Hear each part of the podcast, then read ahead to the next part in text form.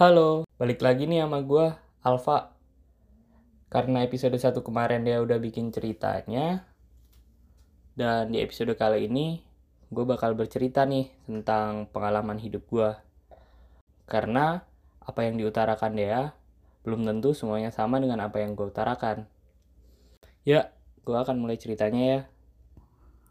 Jadi, gue anak keempat dari lima bersaudara. Cuman adik gue udah meninggal. Dan gue cowok satu-satunya sekarang. Gue berasal dari sebuah kota dingin yang dapat dikategorikan kota pariwisata dan kota pendidikan nih. Dan akan gue mulai cerita waktu gue SD. Jadi gue SD, gue satu sekolah sama adik gue nih. Terus di SD sendiri gue tergolong anak-anak yang baik, alim, dan gak aneh-aneh lah. Alhamdulillah lulus SD pun gue masih dikategorikan beruntung. Untung-untung jadi nomor satu waktu lulus. Eh jadi sombong nih gue. Tapi ya itu mungkin keberuntungan sih. Dan gue waktu SD terlalu berpuas diri. Jadi waktu itu gue milih SMP dengan tutup mata. Akhirnya pilihan gue jatuh nih ke SMP negeri favorit di kota gua yang direkomendasiin sama nyokap gua. Tapi nasib gua di SMP tersebut berubah 180 derajat. Yang awalnya gua anak baik-baik berubah menjadi sedikit nakal, mulai melihat dunia luar dan melakukan hal banyak lainnya. Ya, di SMP ini mulai naik turunnya kehidupan gue. Dimulai dari gue kelas 1 SMP. Di mana gue harus beradaptasi dengan lingkungan baru dan pendidikan yang baru gue tempuh ketika masih bocah SD. Yang biasanya awalnya gue peringkat 1, peringkat 3, 5 besar, atau paling buruk 10 besar, akhirnya gue menjadi peringkat tiga terakhir di SMP. Ya gue tidak menyesalinya sih jadi pembelajaran hidup gue sekarang. Tapi gue juga melakukan banyak hal di SMP tersebut. Gue menjadi keanggotaan OSIS, gue bermain musik, ketemu teman-teman baru yang mungkin dunianya berbeda dari ada yang nakal, ada yang alim, dan banyak hal lainnya. Di SMP ini juga gue merasakan naik turunnya kehidupan masalah finansial. Di mana ketika SMP, adik gue mengalami sebuah kecelakaan yang cukup parah dan harus dirawat di rumah sakit selama satu bulan. Waktu itu, untuk bayar SPP sekolah aja, gue sampai segan sendiri ke orang tua gue. Karena untuk biaya rumah sakit saja, perharinya bisa habis puluhan juta. Bayangkan zaman segitu tahun 2009-2010 uang puluhan juta sangat susah untuk dicari. Tapi untungnya orang tua gua selalu mengusahakan hal-hal yang terbaik untuk anaknya. Gue sangat bersyukur sekali dengan orang tua gue sekarang. Dan saat SMP pun ketika gue tahu nih gimana susahnya mencari uang, gue juga mencoba untuk mencari uang sendiri. Dibantu dengan lingkungan-lingkungan gue yang sangat sportif di mana waktu gua ngeband sendiri udah bisa menghasilkan cukup ya lumayan uang lah dan sedikit-sedikit gua dikenalkan dengan beberapa soundman dan gua belajar dari situ untuk menjadi asisten soundman untuk men-setting alat-alat sound ketika ada musik di panggung dan banyak hal lainnya ketika SMP sudah gue lakukan. Nah, ketika SMP sendiri, gue juga udah mulai pacaran ketika adik gue nggak ada. Mungkin karena gue butuh teman cerita ya. Emang sih, jika orang yang berpengaruh dalam hidup kamu pergi, langsung mencari penggantinya. Dan di situ gue memutuskan untuk pacaran. Pacaran pertama gue, gue diselingkuin. Dan pacaran kedua gue, gue gak mau dong diselingkuin lagi. Dan gue memutuskan untuk memutuskan pacar kedua gue karena bosan. Ya, pacaran ketiga, ya pacaran gue pertama kali yang mulai-mulai agak serius sih tapi sadar nggak sadar terlalu bucin itu nggak baik loh. dan itu berpengaruh dalam nilai akademis gue mungkin ya. Gue nggak tahu. Tapi waktu SMP gue kesusahan banget buat milih SMA bahkan gue hampir nggak lulus SMA negeri. Akhirnya orang tua gue memutuskan untuk mendaftarkan gue di sekolah swasta yang lebih disiplin agar gue lebih disiplin dan lebih jujur. Karena emang dari SMP gue udah mulai nakal mulai nyontek mulai ikut bolos sekolah dan melakukan banyak hal lainnya.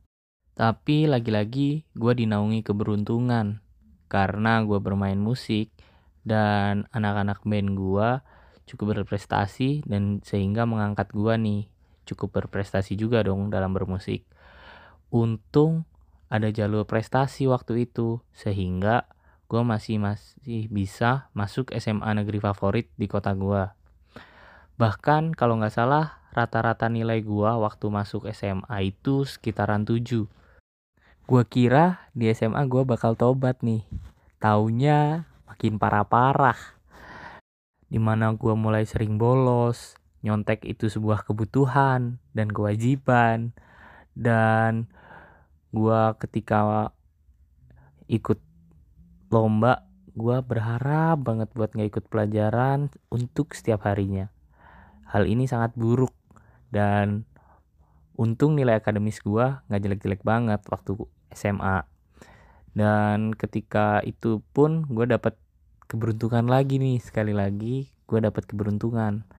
Tahun gue kalau nggak salah buat masuk kuliah itu harus daftar undangan dulu di mana gue sudah memutuskan dengan bulat gue ingin masuk sebuah institut ternama di Indonesia sebut saja ITB nggak usah pakai sensor. Dan gue udah pingin nih jurusan yang gue tahu apa yaitu teknik mesin atau disebut juga FTMD di ITB tapi nyokap gue itu sudah meremehkan gue bayangkan seorang ibu lo yang melahirkan elu sudah ragu dengan kemampuan elu.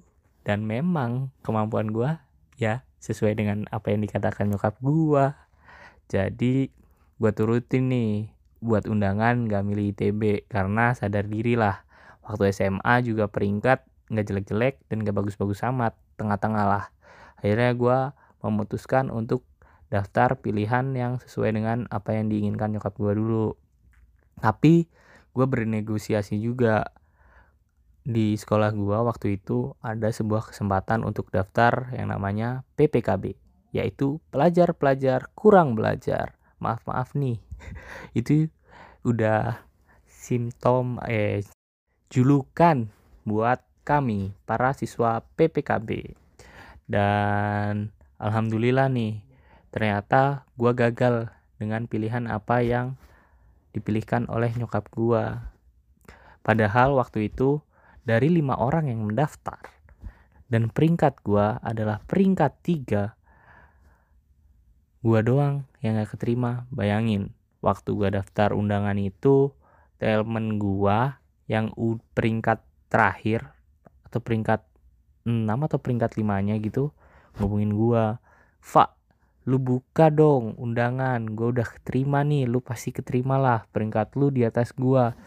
Wah gue inget banget gue langsung buka dengan percaya dirinya gue langsung ya gue gagal. Ternyata dari enam anak itu yang gagal cuma gue seorang. Dan saat itu gue merasakan titik terendah dalam hidup gue di mana gue sudah mengecewakan nyokap gue buat tidak masuk ke universitas tersebut tapi gue di situ nggak patah semangat karena gue udah daftar nih SBMPTN dengan pilihan-pilihan gue dan targetan gue yaitu di ITB. Tapi rencana Allah memang lebih baik ya. Gue keterima jalur PPKB yang tadi gue daftar dan tapi di situ bayarnya mahal mahal banget cuy dan ya gue tau lah dari SMP gue udah kayak sering menyusahkan nyokap bokap gue buat cari duit lebih buat pendidikan gue akhirnya gue waktu kuliah sedikit mulai bertobat nih. Gue mulai lebih ambis lebih jarang ikut bersosialisasi atau kegiatan-kegiatan hal-hal lain di luar kampus. Walaupun kadang ini buruk sih tapi sekali lagi hidup itu pilihan. Dan alhamdulillah gue lulus tapi percintaan gue juga kandas. Gue lima tahun pacaran dari SMA gue kandas juga nih waktu kuliah semester 3 gara-gara LDR cuy. Ya sudahlah begitu ceritanya. Waktu kuliah sendiri gue sudah menentukan dan menulis mimpi-mimpi gue ketika gue lulus nanti. Gue inget banget gue nulis di selembar kertas gue tempel di papan di depan meja belajar gue jadi setiap hari gue baca tuh target-targetan kehidupan alfa akhirnya percaya nggak percaya 80% dari yang gue tulis dulu tercapai nih sekarang. Mulai dari gue lulus kuliah gue mendapat kesempatan-kesempatan yang menurut gue pernah gue sia-siain dan pernah tidak disia-siain. Ya gue udah merasakan beberapa kali ditolak saat tes kerja. Tapi gue dulu punya target bahwa setelah lulus kerja, gue harus memiliki standar gaji sekian di perusahaan-perusahaan sekian. Bahkan untuk mencapai target-target itu, gue membuat list nih beberapa perusahaan yang mungkin dapat memberikan standar yang gue inginkan. Tapi gue harus sadar diri dong dengan kemampuan apa dan experience apa nih yang udah gue punya dan jujur ketika lulus gue langsung aslinya sudah keterima pekerjaan. Tapi gue tolak karena tidak sesuai dengan standar yang gue inginkan. Di situ gue melakukan hal lain yaitu magang. Magang di perusahaan sebuah perusahaan FMCG di Indonesia. Di situ gue mendapat kesempatan lagi sebenarnya buat tes di perusahaan tersebut. Tapi gue kurang memaksimalkan. Jujur sebenarnya plan A gue gue pingin kerja di perusahaan oil and gas company di Indonesia tapi gagal.